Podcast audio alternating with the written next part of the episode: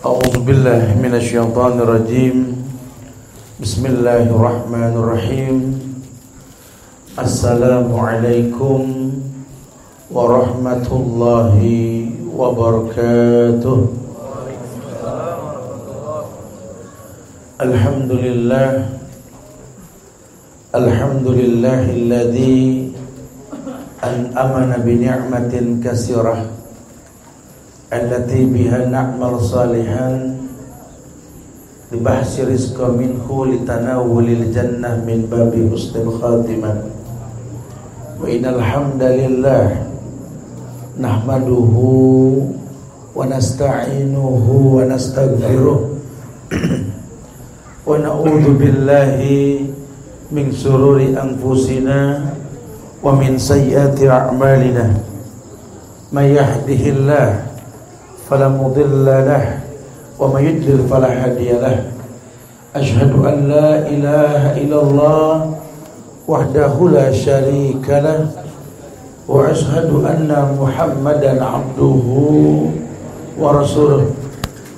أما بعد فاعلم أيها الناس فإن أحسن الكلام كلام الله وخير الهدى هدى محمد صلى الله عليه وسلم. وشر الأمور محدثاتها وكل محدثات بدعة وكل بدعة ضلالة وكل ضلالة في النار. معاشر المسلمين والمسلمات sidang majelis kajian rutin Majelis Ta'lim Al-Ladhifi Yayasan Imam Malik bin Anas di Kecamatan Ranca Bungur Desa Pasir Gauk di Masjid Ibadur Rahman yang semoga Allah muliakan dunia dan akhirat. Alhamdulillah kita bersyukur pada Allah dan selalu kita bersyukur pada Allah. Allah berikan keistiqomahan kepada kita untuk selalu ada di manhaj yang benar, selalu berada di sirat yang benar. Karena dulu Rasul pernah membuat sebuah garis lurus. Kata sahabat, khattalana Rasulullah sallallahu alaihi wasallam khatta khututan. Summa khatta khututan an yamini wa an shimali. Summa qala hadhihi sirati mustaqiman fattabi'uhu wa la tattabi'u subula fatafarraqu bikum an sabili. Nabi membuat sebuah garis yang lurus sambil berkata, inilah jalanku yang lurus. Kebenaran tidak berbilang. Jangan kau ikuti jalan yang banyak, fatafarraqu an sabili, kalian akan berpecah belah. Ini arahan indah dari dari yang Rasul sampaikan kepada kita. Makanya kita berharap mudah-mudahan Allah berikan keistiqomahan kepada kita untuk menggapai kebaikan yang memang disyariatkan. Jamaah Allah muliakan, kita akan masuk dan melanjutkan bahasan kita dari kitab Tauhid bab yang akan menjelaskan tentang babur riya. Ya, kita akan kembali membahas dari yang dibacakan pada kitab aslinya kemudian diterjemahkan. Fadhil.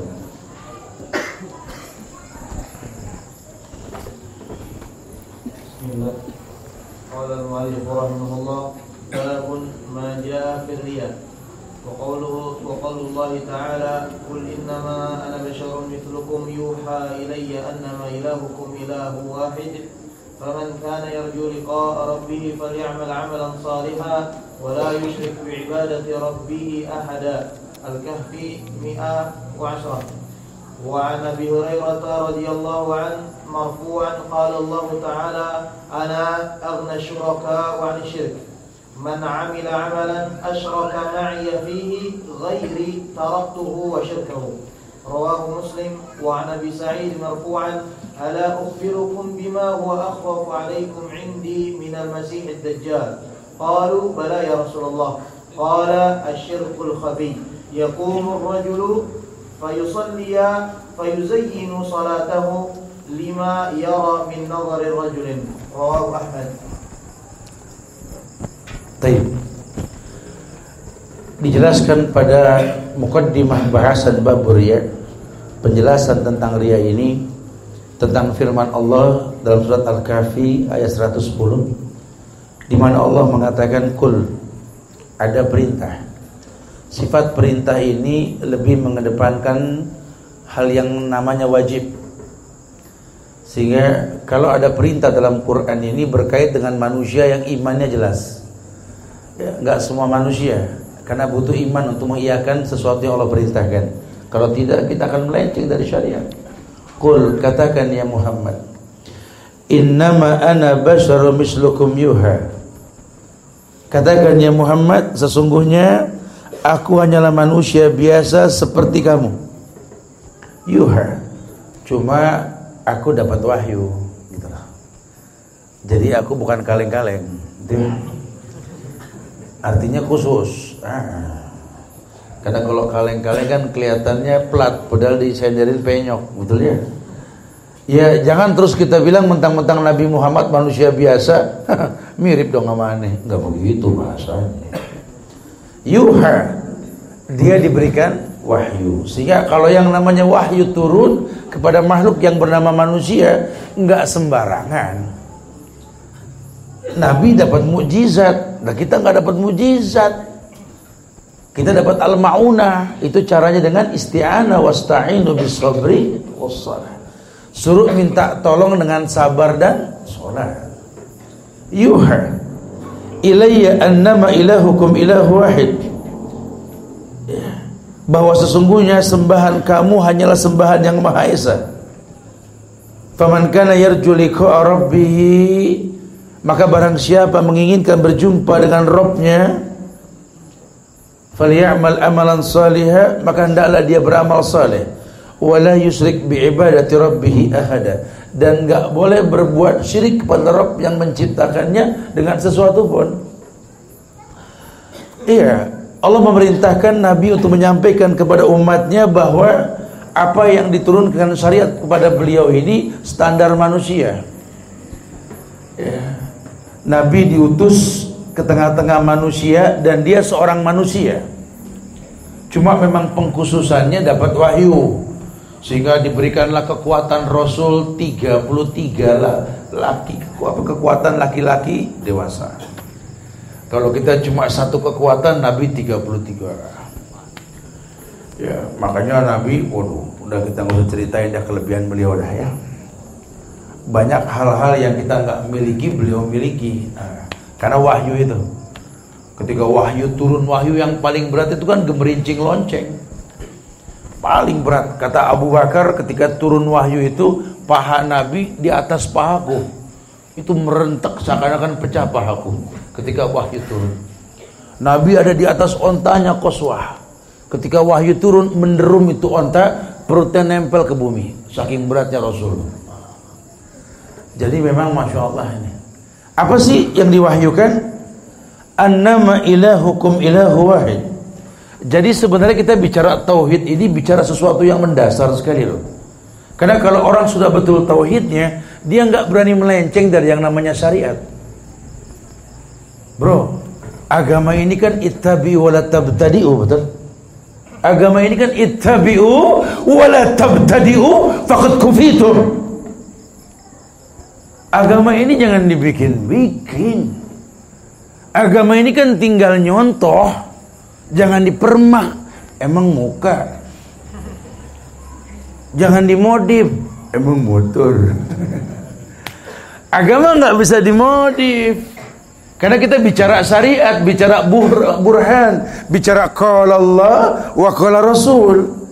Yang 14 abad yang lalu syariat sampai kiamat juga syariat.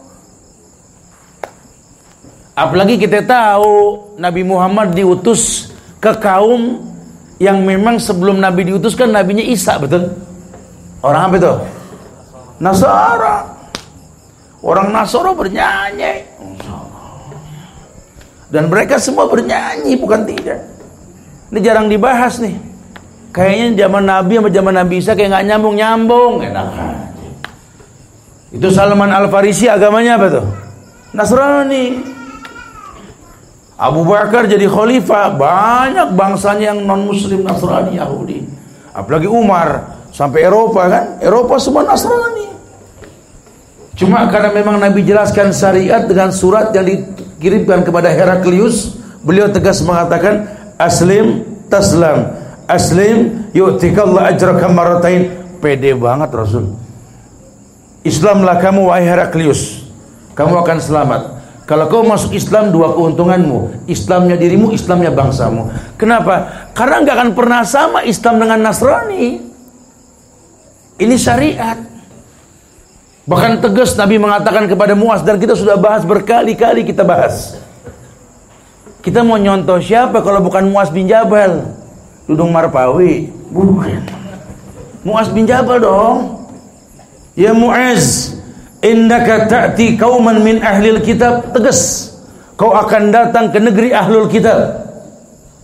Negeri oh, negeri siapa? Negeri Nasrani, negerinya orang Yaman.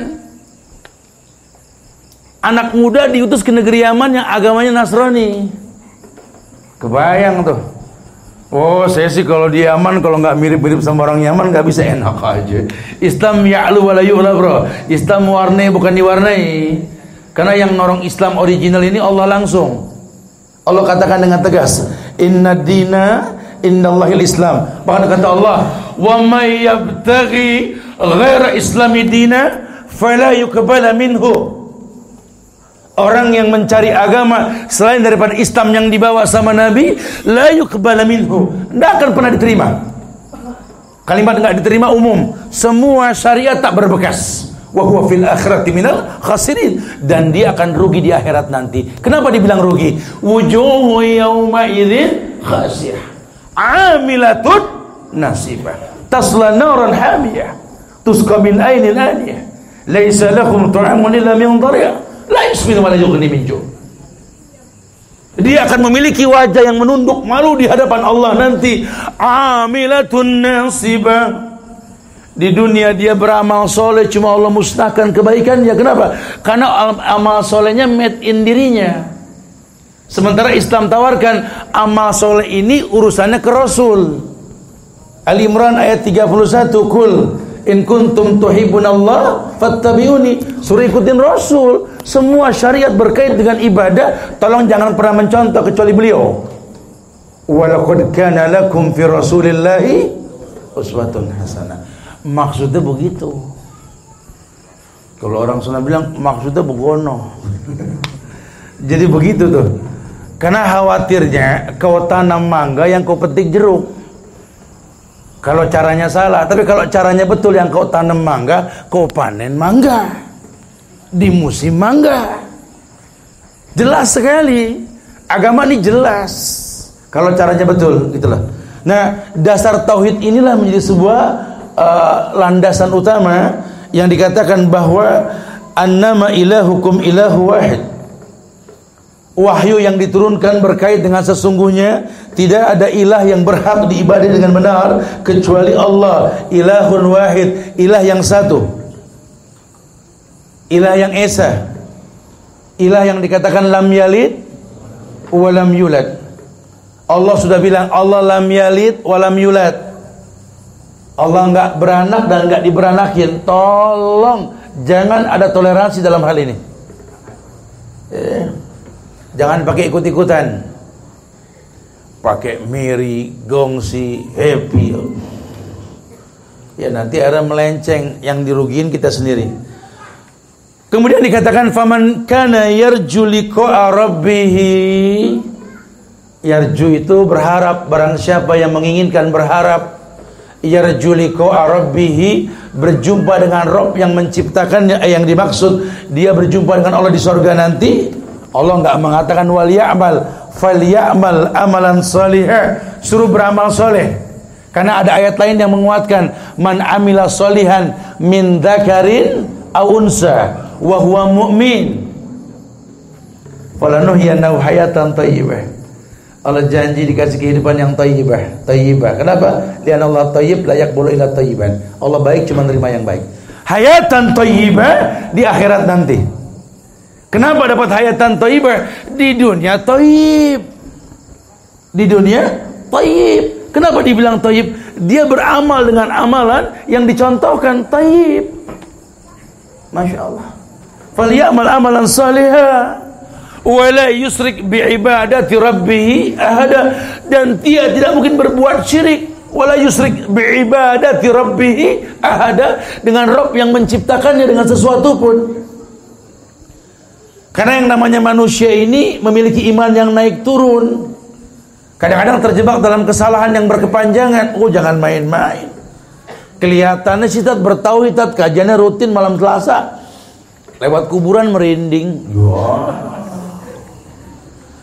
Uh, uh. Jangan Kelihatannya kajian rutin tauhid dan kitab tauhid, masya Allah. Buah bajunya aja I love tauhid. Gantungan kuncinya welcome tauhid. Everything about tauhid lah pokoknya. Giliran lagi mau sedekah nunggu orang lewat dulu. Nggak ada yang lewat, yang masuk cuma dua ribu lecak lagi di pojokan dashboard. Giliran orang lewat baru yang lempengan dikit. Anak nyumbang nih ya.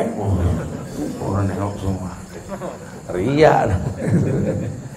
Giliran sepi ajan nggak niat.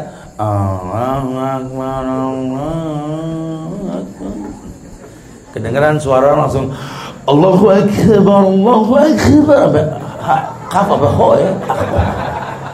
Lebay sih, jadi bingung sendiri kaf apa ya. Ria tuh. Nggak ada orang ngaji kayak nggak niat. Yang dengan suara orang. Faman ulu. Sampai tegas banget tuh ikhfa. Ria ya ya ria itu asal kata dari roa ya ro. Pengen dilihat. Uh, ya.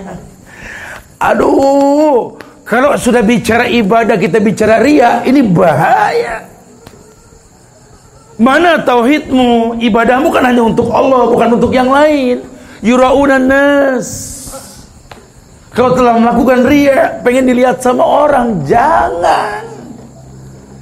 Sementara kita tahu rukun ibadah itu kan ikhlas untuk Allah, mencontoh Rasulullah sallallahu alaihi wasallam. Takutnya nih jadi remeng nih rukunnya. Karena yang namanya ibadah ini kan emang untuk Allah. Tolong kalau sudah bicara untuk Allah, kita nggak butuh contoh yang lain. Ya, yeah. Cukup Allah sebagai rujukan dan Nabi sebagai amsal. Tanpa khilaf kita berkata, "Walaqad kana lakum fi Rasulillahi uswatun hasanah." Kita nggak butuh contoh yang kaleng-kaleng deh, Bro. Ya, Rasul. Cukup Rasul sebagai amsal yang terbaik.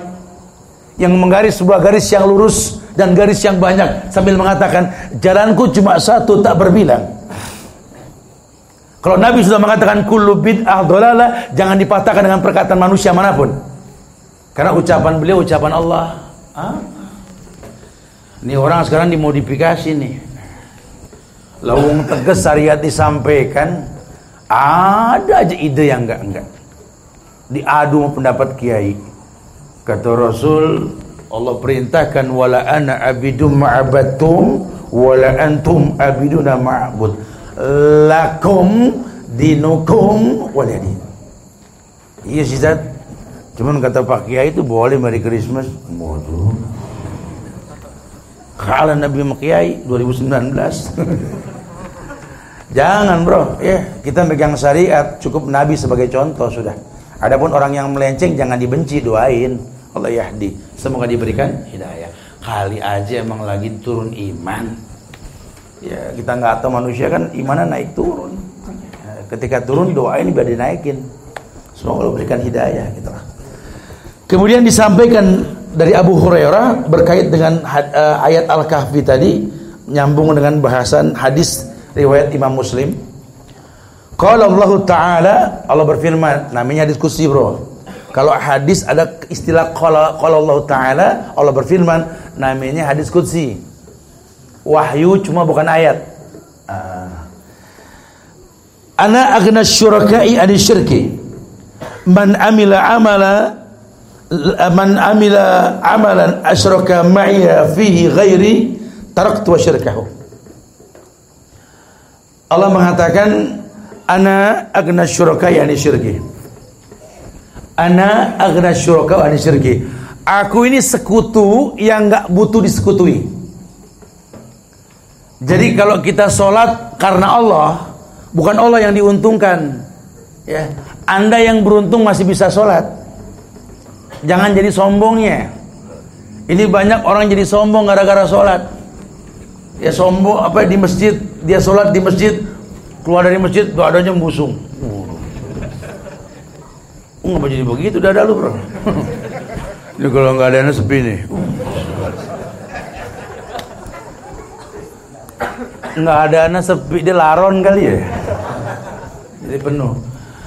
Anda agna syuraka yani syirki Allah yang mengatakan aku ini sekutu yang paling benci disekutui. Jadi kalau kamu bersekutu denganku tolong jangan berpaling hati. Karena ayatnya jelas. Ud'uni astajib lakum. Kau minta langsung ni kepada aku saja kan ku jawab. Artinya kalau kau mendua hati tak akan ku jawab. Ulama sepaham berarti yang namanya ibadah ikhlas untuk Allah saja only kan begitu nggak perlu yang lain dan kita memang nggak butuh yang lain kenapa karena wa innallaha ta'ala la yunalu ma indahu illa bitoa karena semua yang baik yang kalian inginkan adanya di sisi Allah. Dan yang adanya di sisi Allah itu kau dapatkan dengan mentaati Allah. Jadi tolong jangan bikin yang aneh-aneh. Ya syariat sudah jelas. Kalau masih ada pembuatan yang aneh-aneh dalam bentuk syariat, sementara ayatnya ada, hadisnya ada, kau membuat sesuatu yang baru, hapus aja Al-Maidah ayat terakhir tuh yang turun. Lakum dinakum wa tamamtu alaikum ni'mati wa raditu lakum al-islam ad-dina. Islam ad-dina, Islam tanpa embel-embel. Yang Islam 14 abad yang lalu zaman Rasul sampai Dajjal turun pun Islam. Tolong jangan dirubah. Dan memang agama ini nggak merubah, agama cuma mewarnai. Ustaz sering ngomong kan, antum punya penampilan style, ya sendiri. Antum sekarang sudah ngaji, jangan berubah. Baru bikers, nanti punya gaya sendiri kalau bawa motor betul.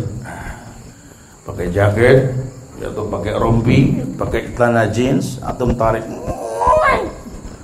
Kajian, pulang kajian jangan berubah siapa tuh pok pok pok pok pok pok pok ada yang tadi narik motor pakai sarung jangan nyangkut jangan gara-gara kajian berubah jangan apa wur wur wur sampai wah kokonya berontok agama ini mewarnai bukan diwarnai. Antum nggak berubah tetap style antum. Pak polisi ikut kajian silakan kan ini forum polisi. Antum cuma terwarnai, jadi nggak isbal, sholat tepat waktunya itu aja, jangan berubah. Ya, jangan. Allah nggak pengen manusia berubah dengan syariat. Syariat mewarnai.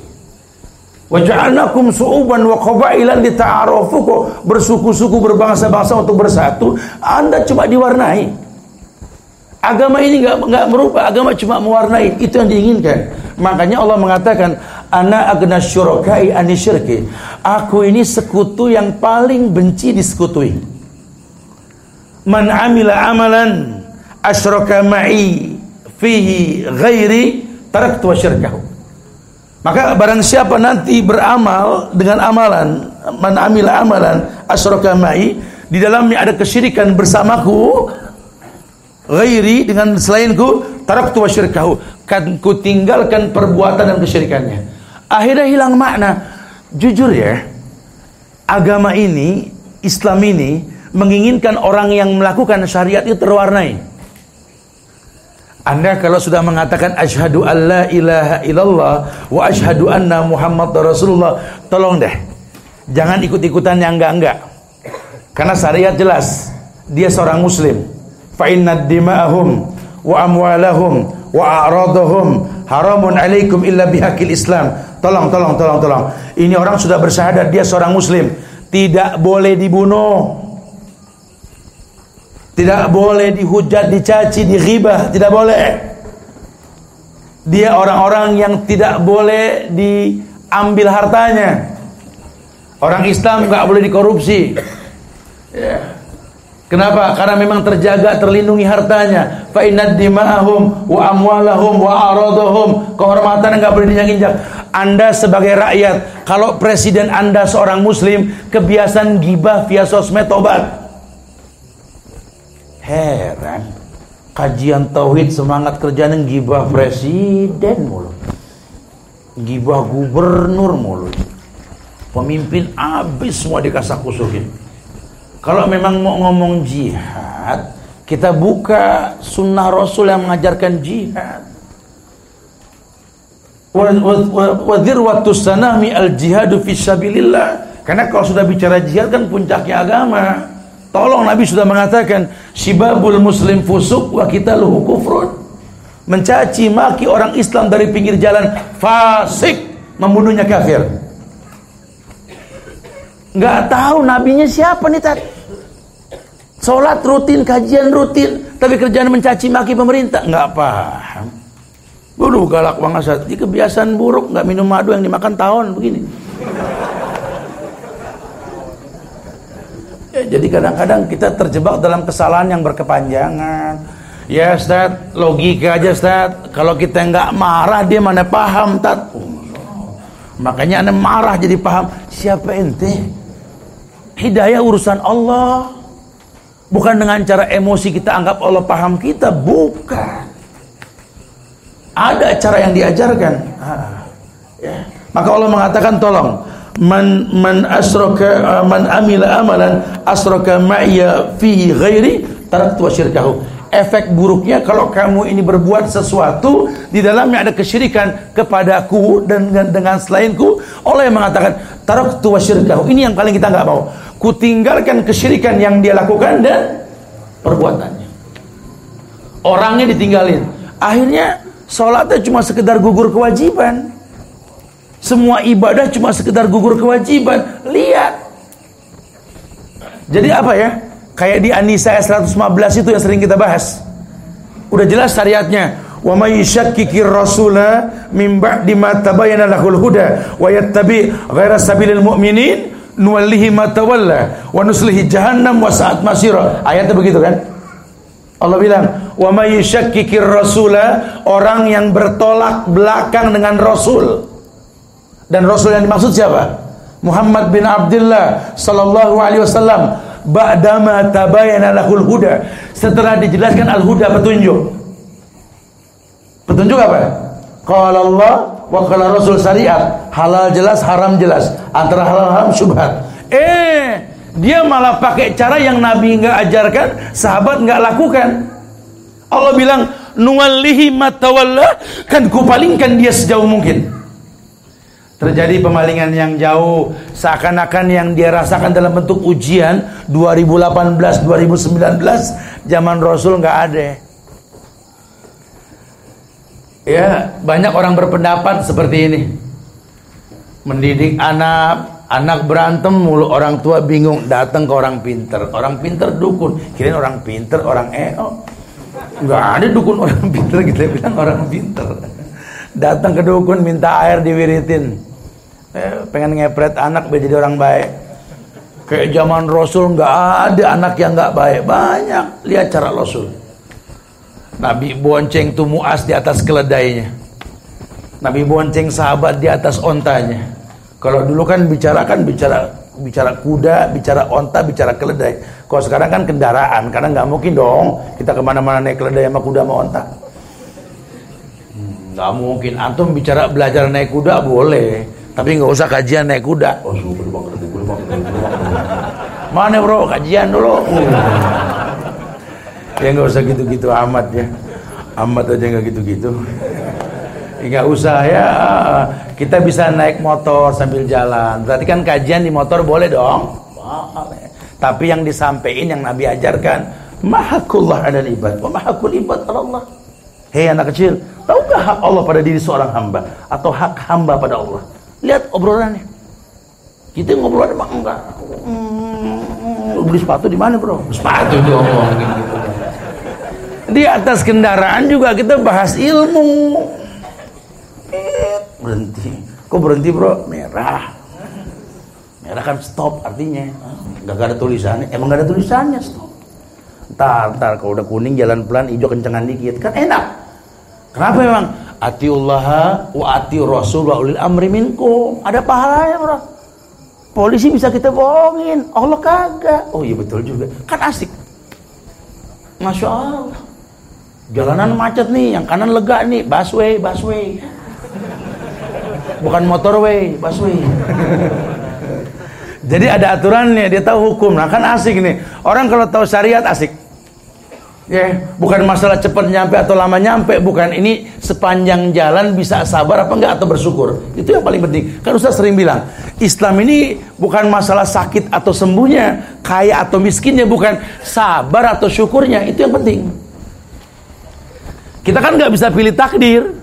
Siapa sih yang nggak pengen badai berlalu? Semua pengen. Cuma kata Islam, kalau ada badai bersabar, berlalu bersyukur. Itu yang penting. Penyebabnya diantisipasi. Namanya darul mafasid muqaddam ala jalbil masoleh. Cegah yang buruk terjadi lebih utama ketimbang mengobati. Itu yang diinginkan. Masya Allah. Kemudian hadis yang ke yang berikutnya dari Abu Sa'id Al Khudri radhiyallahu anhu dikatakan Rasul pernah bersabda Ala ukhbirukum bima huwa akhwafu alaikum indi? Minal masihid dajjal Qalu bala ya Rasulullah. Qala asirkul khafi Yakumur rajulu fayusalli fayuzayyinu salatahu lima yara min nazar min nazari rajulin. Min nazari rajulin. Naam. Kata sahabat Abu Said Al-Khudri dulu Nabi pernah bersabda Ala ukhbirukum bima huwa akhwafu alaikum indi? Sudikah engkau, maukah engkau Aku kabarkan tentang sesuatu yang lebih aku khawatirkan atas kalian? Minal masihid dajjal Daripada al-masih ad-dajjal. Padahal dajjal turun fitnah terbesar. Cuma Nabi mengatakan yakni akhwafu alaikum indi minal masih dajjal ada yang paling kutakutkan dan paling kukhawatirkan dalam diri umatku ini dalam diri kalian melebihi khawatirnya ketemu sama dajjal. Kenapa? Karena kalian belum tentu ketemu sama dajjal tapi ini bisa kalian rasakan gitu loh. Ya tetap fitnah dajjal lebih besar. Cuma kan kita nggak boleh nggak nggak wallahu alam. Mungkin kita nggak merasakan dan kemungkinan kita nggak merasakan. Maka saya suka bilang ikhwan ikhwan kita percaya saja kabar tentang Dajjal. Tapi antum jangan gampang panik dapat info tentang Dajjal berapa tahun lagi. Heran yang dibahas, ya Allah Ustaz, Dajjal mau turun nih Tat. Terus, ini kayaknya kiamat berapa tahun lagi nih Ustaz? Astagfirullahaladzim. Lawang Nabi saja mengatakan al-sa'il alam minal mas'ul. Yang nanya lebih tahu ketimbang yang ditanya. Jibril aja nanya Rasul, Nabi jawabnya apa? Tawan ente Jibril. Nabi nggak tahu kapan kiamat. Ini ada ustadz bilang tahu kiamat berapa tahun lagi. Ajib gak? Kan bikin panik anak muda. Waduh ustadz gimana ustadz mau kiamat? Mana dajjal mau turun? Waduh. Ente yakin bro? Ya Allah alam ustadz. Daripada mikirin dajjal mendingan ente nikah zuat, zuat. Kau tercipta bukan buat nungguin kiamat sama Dajjal. Kau tercipta untuk beribadah. Karena kalau Dajjal turun pun ada syariat. Ada syariat. Bagaimana? Suruh baca Al-Kahfi kan? Kalau kamu sudah menikah, Dajjal turun, istrimu ikat. Loh kenapa tak istri saya diikat? Karena yang gampang tergoda Dajjal perempuan. Dajjal matanya satu, nggak ada bagus-bagusnya. Cuma tajir. Perempuan biarin dah pice-pice dah yang penting tajir. Nanti akhir zaman begitu tuh. Nah, ya. Kebayang ya. Jadi orang kegoda sama Dajjal. Tapi memang bukan tugas kita nungguin Dajjal. Maka Nabi mengatakan, Ala ukhbirukum bima huwa akhwafu alaikum indi minal masihid Dajjal. Maukah kalian uh, kuberi kabar tentang sesuatu yang aku khawatirkan melebihi khawatirku kalian berjumpa dengan Dajjal. Karena kayaknya nggak mungkin ketemu sama Dajjal kalian dan betul sahabat nggak ada yang ketemu. Ya, kecuali Irbad bin Sariyah yang pernah menyaksikan Allah a'lam Dan itu belum sampai Dajjal action gitu loh. Kalau mereka mengatakan bala Respon langsung mau banget Rasul. Berarti antusias sahabat untuk mendengar sabda Rasul. Bala ya Rasulullah, mau ya Rasulullah. Qala asyirkul khafi. Yakni syirik khafi. Syirik khafi ini syirik yang lembut. Yakumur rajul fayusalli fayuzayyi fayuzayyinu salatahu lima yara min nazri rajulin. Yakni sirik khafi sirik yang lembut adalah yakumur rajul fayusalli fayuzzinu fayuzzinu salatahu. Yuzayyinu salatahu. Di mana dia membaguskan solatnya lima yara min nazari rajulin. Dia bagusin solatnya ketika orang lihat. Waktu orang nggak ngelihat Sholatnya ngepot kayak capung minum. Assalamualaikum. Giliran orang lihat Allah. Akbar. Kita di belakang ya Allah, ini urusan ruwet lama nih kalau imam begini nih. Merusak ibadah orang lain ya. Ah. Orang beribadah pengen dilihat orang. Bahkan sholat dibagusin karena dilihat orang. Ini sirik khauf ini. Kayaknya kita sholat isya dulu ya. Lanjutin pada isya nanti insya Allah ya. Wallahu musta'an. Assalamualaikum warahmatullahi wabarakatuh. Alhamdulillahilladzi arsala rasulahu bil huda wa dinil haq liyuzhirahu 'ala ad-din kulli wa kafa billahi shahida amma ba'd. Sahabat-sahabat muslim yang Allah muliakan dunia dan akhirat Jamaah Majlis Taklim Al-Latifi yang mudah-mudahan Allah berikan kemuliaan dalam bentuk ilmu yang bermanfaat para pemirsa di mana pun berada, baik para pendengar radio Muslim Jakarta di 837 AM yang menyaksikan dan mendengarkan langsung kegiatan kita pada hari ini. Semoga Allah selalu jaga ukhuwah di antara kita untuk bisa menjadi anak bangsa yang memiliki karakter generasi Rabbani. Generasi yang berpikir memberi ke negeri ini bukan mengambil. Generasi yang siap mendakwahkan sunnah dengan cara-cara yang Rasulullah SAW ajarkan. Indonesia butuh generasi yang berpikir memberi bukan mengambil. Baiklah jamaah Allah muliakan, kita lanjutkan kajian kita. Dikatakan oleh Abu Sa'id Al-Khudri bahwa Rasul pernah bersabda, "Ala ukhbirukum bima huwa akhwafu 'alaikum indi minal Masihid Dajjal." Qalu bala ya Rasulullah, qala asyirkul khafi. Yakumur rajul fa yusalli fa yuzinu salatahu lima yara min nazri rajulin. Iya, bahwa Rasul pernah mengatakan tentang sesuatu yang beliau khawatirkan melebihi khawatirnya umat ini bertemu dengan Masih Dajjal.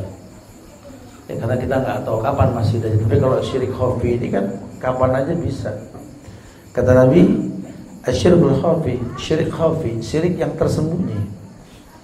Bahkan Abu Bakar sahabat Nabi pun nyaris nggak paham ini. Karena Abu Bakar pernah mengatakan alaisya syirik anak muda min dunillah Bukankah syirik selain daripada kita menyembah selain Allah? Kata Nabi, sakilat ke ummak ya Abu Bakar. Rugi ibu ente punya ente kalau begitu.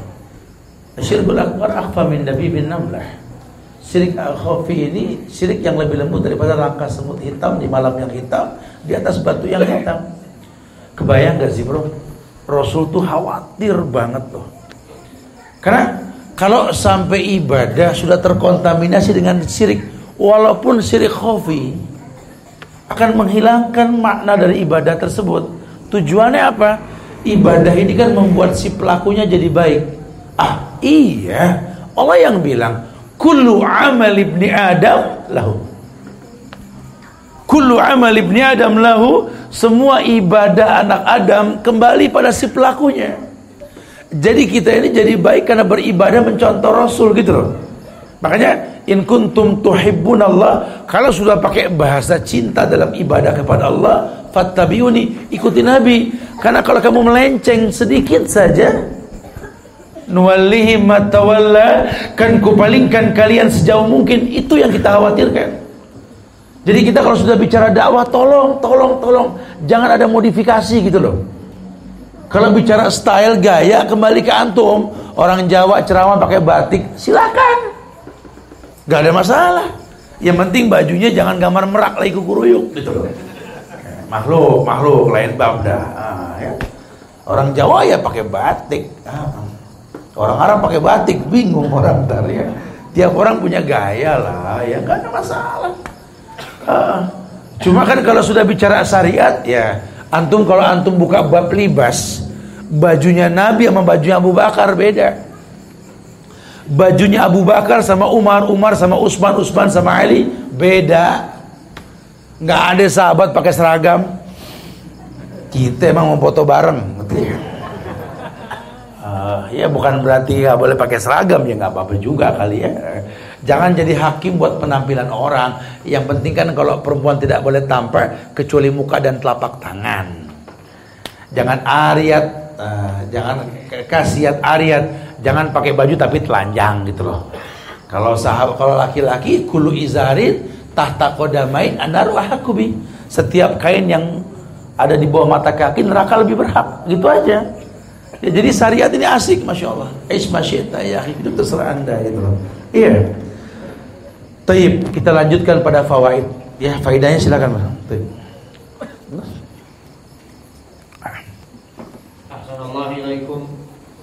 Qala al-mu'allif rahimahullah fihi masail. Al-ula tafsir ayatil kahfi.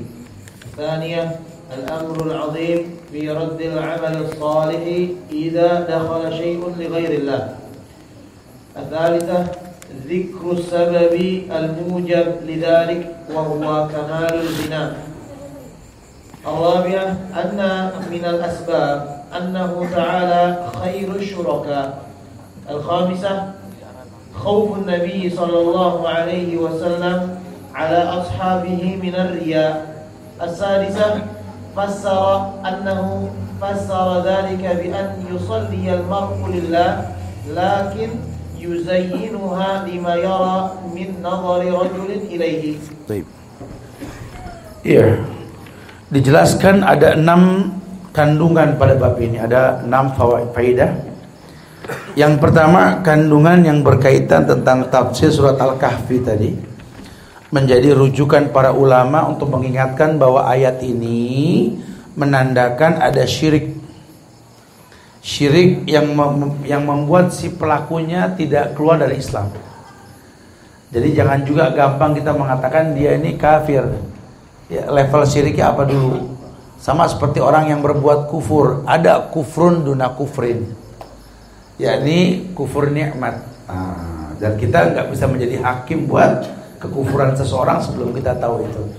Nah, tafsir ini menjelaskan bahwa Allah berfirman, "Qul innama ana basyarum mislukum yuha ilayya annama ilahukum ilahu wahid."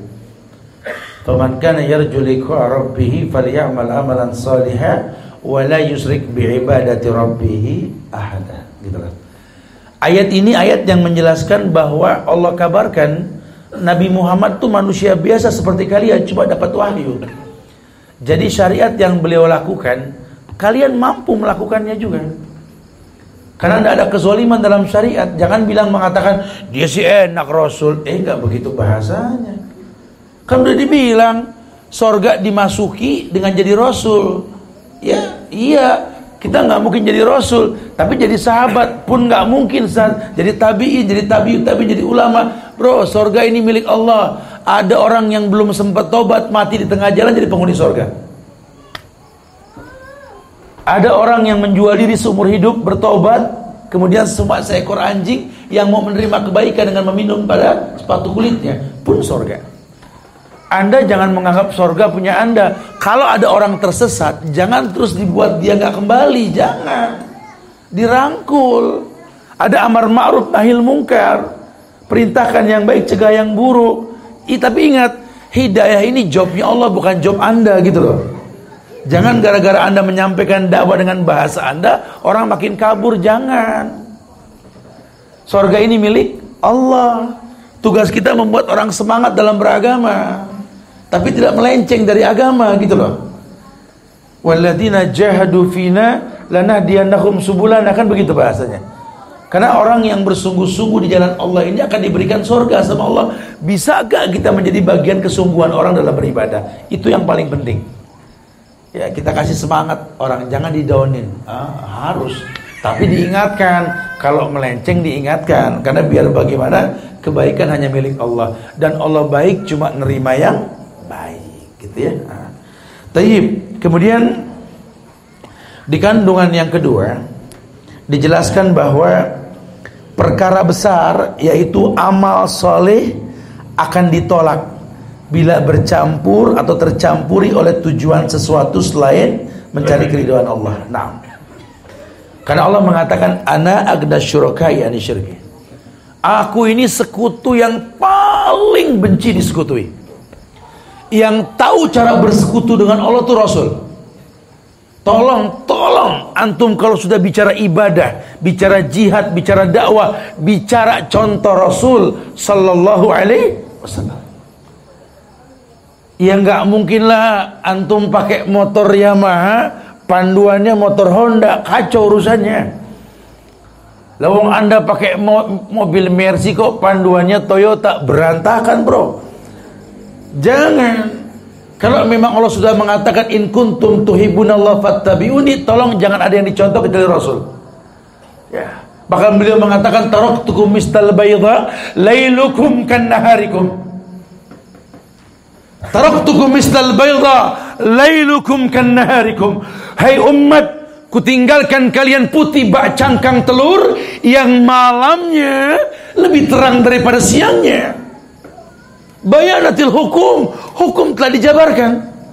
Jangankan cara ibadah, cara dakwah, cara muamalah, afwan, cara cebok pun diajarkan. Antum tidak boleh cebok pakai tangan kanan, betul? Antum masuk WC kaki kiri, keluar kanan dulu, betul? Sebut satu agama di dunia yang mengajarkan itu, tidak ada. Islam doang. Apalagi cara ibadah. Makanya fattabiuni bukan wattabiuni, fattabiuni langsung contoh aku gitu loh. Karena kalau kamu contoh yang lain garis yang banyak ini ya fatafarraqu bikum an sabili, kalian akan berpecah belah. Akan berpecah belah kalian. Tawarannya cuma satu, inna dina indallahil Islam, enggak beragam. Karena wa may yabtaghi ghaira islami dina fala yuqbala minhu. Karena kalau kau cari syariat selain daripada Islam, la yuqbala minhu, bakal ditolak wa huwa fil akhirati minal khasirin dan dia bakal rugi. Kapan dikatakan tertolak? Ketika tak bercontoh kepada Rasul, tak bercontoh kepada syariat Rasulullah sallallahu alaihi wasallam. Tolong jangan katakan bagus tanpa contoh ya. Waduh, kacau ini urusannya. Ya, apalagi kita ya, memegang buntut sapi, mengikuti sesuatu yang tak jelas mau ke mana. Sayang umur. Emang umur kita berapa kali pemilu lagi? Masya Allah. Kita sia-siakan mencontoh yang tidak jelas, janganlah ya. Tayyib. Jadi perkara besar. Karena Allah yang mengatakan ada agna syurakai ani syirki. Man amila amalan asyraka ma'i fihi ghairi taraktu asyirkahu. Kalau sampai terkontaminasi dengan kesyirikan, sampai levelnya syirik terkecil yang namanya khofi pun taraktu asyirkahu Kutinggalkan perbuatan dan kutinggalkan kesyirikannya dan orang yang melakukannya. Akhirnya cuma sekedar gugur kewajiban, kelihatannya selesai ibadah cuma nggak ada bekas ibadahnya. Tayyib. Yang ketiga, hal yang menyebabkan suatu amalan ditolak adalah karena Allah Maha Kaya.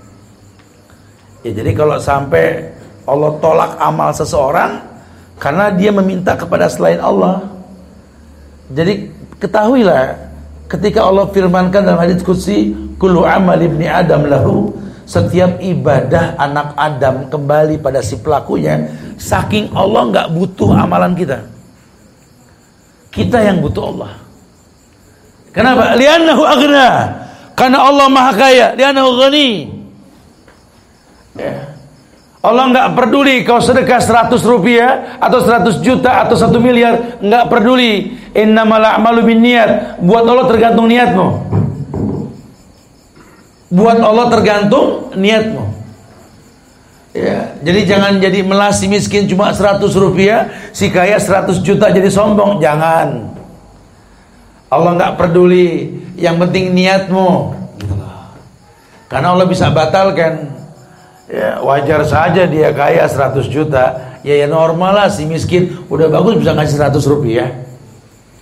Ya makanya ketika ada orang berkata ya Rasulullah orang kaya mendahului kami. Kami puasa, mereka puasa, giliran mereka sedekah kami tidak mampu. Kami kalah sama mereka. Kata Nabi apa? Bukankah setiap tahmid, tahlil, tasbih yang kau bacakan sedekah? Bash Fibut i'ahdikum sadaqah. Bahkan kau datangi yang hak istrimu, suamimu, sedekah dinilainya. Masya Allah. Ya, jangan suka suzon sama Allah. Karena Allah Maha Kaya. Tugas kita hanya ittabi'u wa la faqad kufitum. Dulu terjadi perang di zaman Rasul, Nabi pengen orang itu bersedekah ketika mau berperang bersama Rasul. Saking miskinnya sahabat zaman paceklik, nggak ada yang mampu bersedekah lebih. Sampai ada yang datang ke Rasul, ya, apa apa, apa memberikan sebutir korma karena cuma sebutir korma yang dia miliki. Tapi ketika subuh Nabi ceramah di atas mimbar sambil berkata, Semalam siapa yang bersedekah? Semalam siapa yang bersedekah? Tiga kali beliau bilang, semalam siapa yang bersedekah? Kemudian beliau mengatakan, Jibril berkata kepadaku, semalam ada seseorang yang bersedekah. Dia berkata kepada Allah, tak ada yang dia miliki. Dia katakan, ya Allah, kugadaikan harga diriku untuk sedekah bersama Rasul. Saking miskinnya sahabat. Nabi mengatakan Allah terima sedekahmu. Saking miskinnya mereka. Tapi lihat cara Allah. Kenapa? Surga milik Allah. Ini yang pentingnya. Yang keempat, ya eh, sebab lain bahwa Allah adalah sekutu yang terbaik. Iyalah, karena toh pada akhirnya nanti Allah ini uh, yang akan memberi balasan bukan yang lain. Di akhirat nanti kalau orang yang berbuat ria, Allah perintahkan suruh datang ke orang yang kamu ria untuknya. Minta sama dia dan dia nggak mau memberikan sesuatu. Sementara Allah yang mampu memberi. Makanya tolong tauhidkan Allah dengan cara yang betul sehingga semua niat kita itu betul-betul ikhlas hanya untuk Allah. Kalau tidak Allah yang mengatakan wa ma umiru illa liya'budullaha mukhlishina lahuddin. Mereka enggak diperintahkan kecuali mengikhlaskan agamanya untuk Allah. Yang kelima, kekhawatiran Nabi terhadap para sahabat dari perbuatan ria. Kalau sahabat yang banyak dipastikan sorga saja, Nabi khawatir ria, apalagi kita. Ya, kebayang ya, Nabi khawatir sahabat yang udah dijamin sorga. Terjebak dalam ria, apalagi kita. Makanya tolong, saya sering bilang pakai bahasa ala zifi bro. Hidup ini apa adanya? Ya, jangan pengen dilihat orang. Kalamun aslayan tahi. Omongan orang gak ada selesainya. Kita menyampaikan dakwah ini lillah karena Allah. Bukan pengen dilihat. Makin kita ikhlas makin gampang orang paham nanti antum praktekin ngomong sama orang tua sama keluarga ketika ku angfusakum wa ahlikum nara tolong jangan pengen dipandang orang Ya, sampaikan saja walau sejumlah makin ikhlas makin gampang dipahami. Ah. Ya. Balighuani walau ayah sampaikan dariku walaupun sejumlah. Karena cukup contoh Rasul sudah cukup. Beliau ajarkan semuanya sampai cara buang hajat pun diajarkan. Kita mau bikin yang baru. Enggak saat masalahnya zaman Rasul beda sama zaman kita saat. Waduh. Mungkin beda albumnya kali ya. Tapi kan kenyataannya mirip. Kalau dulu mungkin ada orang benci sama Nabi samping Ka'bah, sekarang orang benci sama dai samping masjid. Ya bedanya di situ doang. Judulnya kan benci. Kalau dulu orang sholat sama Nabi di Haramain, sekarang ya di surau masing-masing. Begitu aja mungkin. Tapi kan judulnya sama sholat. Kalau Nabi mengatakan afdalu sholatul mar'i fi baiti ilal maktubah, Sebaik-baik sholat seseorang itu di rumah Kecuali yang wajib di masjid Itu berlaku di semua masjid Betul Dulu mungkin haromain Sekarang semua masjid Maka sering Ustadz bilang Yuk hilangkan orang-orang yang punya karakter LGBT Caranya bagaimana? Laki-laki sholat di masjid Supaya soleh Di rumah kan soleh Yuk hindari kebiasaan buruk anak ini jadi narkoba. Kenapa? Karena punya punya orientasi hidup menerima. Islam tawarkan bahwa aliyadul ulia khairun min jadi sufla. Tangan yang di atas lebih baik daripada tangan yang di bawah. Tujuannya apa? Supaya jauh dari narkoba. Dan kebanyakan orang yang terjebak dalam narkoba karena biasa menerima bukan memberi. Latih anak sejak kecil memberi bukan menerima. Kalau tradisi ini dibiasakan, masya Allah. Lihat cara Islam, ya, ahlak dan adab yang dikedepankan. Nah, karena kalau enggak sahabat saya dikhawatirkan apalagi kita. Yang terakhir yang keenam dan kita berdialog setelah ini, Nabi menafsirkan kata riya yaitu bila seseorang mendirikan sholat dengan ikhlas karena Allah akan tetapi kemudian dia menghiasi atau membaguskan sholatnya disebabkan ada orang lain yang menyaksikannya. Uh, uh, ya berarti wa minan nasi may yattakhidhu min dunillahi andadan yuhibbunahum ka hubbillah gitu lah. Ada yang mencintai Allah sama dengan mencintai selain Allah. Nah Allah mengatakan walladzina amanu asyaddu hubban lillah. Orang-orang yang beriman lebih cinta ke Allah ketimbang yang lainnya. Ah. Imam aja imam kadang-kadang bisa terjebak dalam ria. Saya belaman-laman saya sholat di Haromain di belakang para imam di Mekah di Madinah. Saya nggak pernah dengar ada imam yang suaranya saling mirip, nggak ada. Imam ini, imam itu suaranya masing-masing beda. Kalau di Indonesia mirip semua. Orang disibukin sama lagu, direkam lagi. Action ngaji. Oh, Jangan. Nanti Quran nggak sampai. Bukan begitu bahasa Quran. Ratil Quran tartila dibaca dengan tartil. Ini kan kalau bahasa sahabat bukan cuma tajwidnya yang bagus tapi lima ayat terjemahkan lima ayat terjemahkan. Tujuannya apa? Quran hudan petunjuk. Kau tertunjuki dengannya. Bukan disibukkan dengan tagoni dengan lagu-lagunya. Perlu banyak nih orangnya. Yang kadang-kadang kalau kita nggak paham dasar terjebak dalam kesalahan yang berkepanjangan ya sama sama Ustadz bilang dengan tegas sampai kapan pun tidak ada yang namanya musik islami sampai kapan pun. Nabi diutus ke tengah masyarakat yang suka musik. Ya orang-orang Yaman Muas diutus ke negeri Yaman. Negeri Yaman negerinya alul kitab negeri orang Nasrani. Suka musik semua. Tapi sairnya bagus dan adakah sair yang melebihi bagusnya Quran dan Sunnah? Yang diturunkan di tengah-tengah zaman sair betul?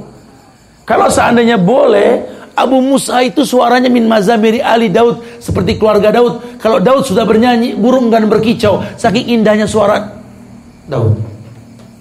Abdurrahman bin Auf, masya Allah. Mereka nggak ada yang terwarnai oleh Nasrani.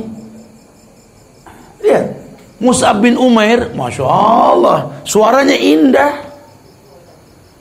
Tapi nggak pernah bawa-bawa gitar ke Madinah. Jreng, kul wallah, jreng, wallah. Abu Hurairah Qala Rasul tengen tengen tengen enggak ada. Jangan diadon, jangan ya Allah, nanti Allah marah. Ya. Nah, buat yang masih suka sama musik, banyak istighfar. Ya. Caranya bagaimana? Banyak hafalin Quran, nanti musik hilang sendiri. Nah, kita nggak bisa ngelarang orang main musik kalau Qurannya belum banyak. Ya buat teman-teman juga masih yang masih banyak masih jauh dari hafalan Quran, saya yakin Habis pulang nih naik mobil juga kalau Quran kurang tapi banyak hafalannya. ya. Kalau orang Betawi bilang saya mah nggak maido betul. Nah, nggak nggak disalahkan artinya apa? Karena memang belum mampu. Nah kita arahkan dia untuk senang. Dengan makin banyak hafalan nanti tergeserlah keburukan dalam dirinya. Tapi jangan membenarkan yang diharamkan. Laukana khairan lasabakuna ilai. Karena kalau betul para sahabat sudah melakukan gitu loh. Pun terjadi khilaf, antum jangan bangga dengan khilaf. Ikuti yang tak berkhilaf. Apa? Walaqad kana lakum fi Rasulillahi suatun hasanah. Gitu loh maksudnya, ya. Jadi jangan jangan takutnya terjebak dalam kesalahan yang berkepanjangan. Wallahu a'lam bishawab. Taib. Kita masuk kepada pertanyaan.